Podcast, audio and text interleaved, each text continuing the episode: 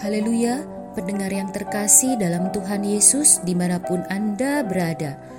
Damai dan sukacita menyertai kita semua. Renungan sau bagi jiwa yang disajikan gereja Yesus sejati berjudul Nasib. Dalam nama Tuhan Yesus membacakan renungan firman Tuhan.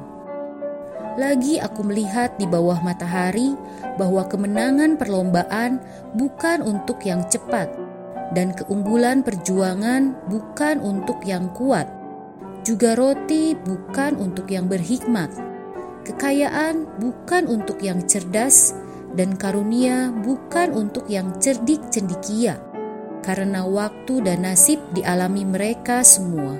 Pengkhotbah pasal 9 ayat 11 Salomo menjelaskan pengamatannya tentang nasib atau kesempatan kepada kita dia menemukan bahwa orang yang cepat larinya belum tentu menjadi juara dalam perlombaan.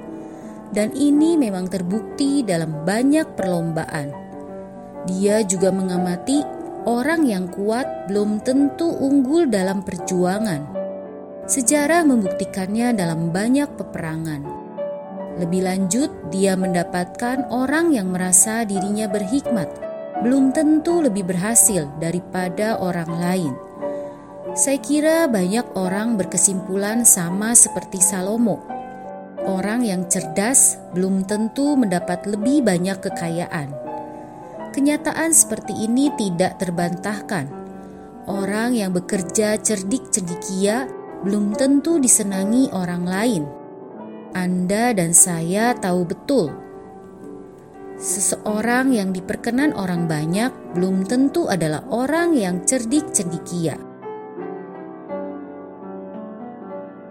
Jadi, apakah seseorang bisa menang, bisa unggul, bisa mendapat roti, bisa mendapat kekayaan, bisa mendapat kasih karunia dari orang lain? Semuanya tergantung pada nasib atau kesempatan. Sedangkan, apakah seseorang mendapat kesempatan?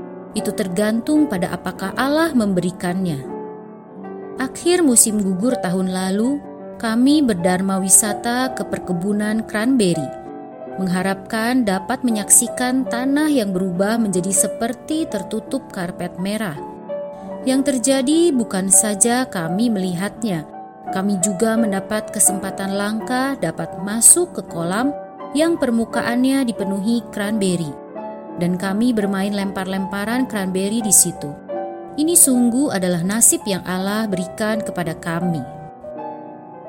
Kesempatan ini kami peroleh karena hari itu kami bermaksud mendatangi satu perkebunan lain. Tetapi karena tidak menemukannya, kami terpaksa putar balik dan menghabiskan waktu satu jam. Sewaktu jam 2 siang tiba kembali ke perkebunan semula, tepat waktunya kolam cranberry dibuka sehingga kami bisa bermain dengan cranberry.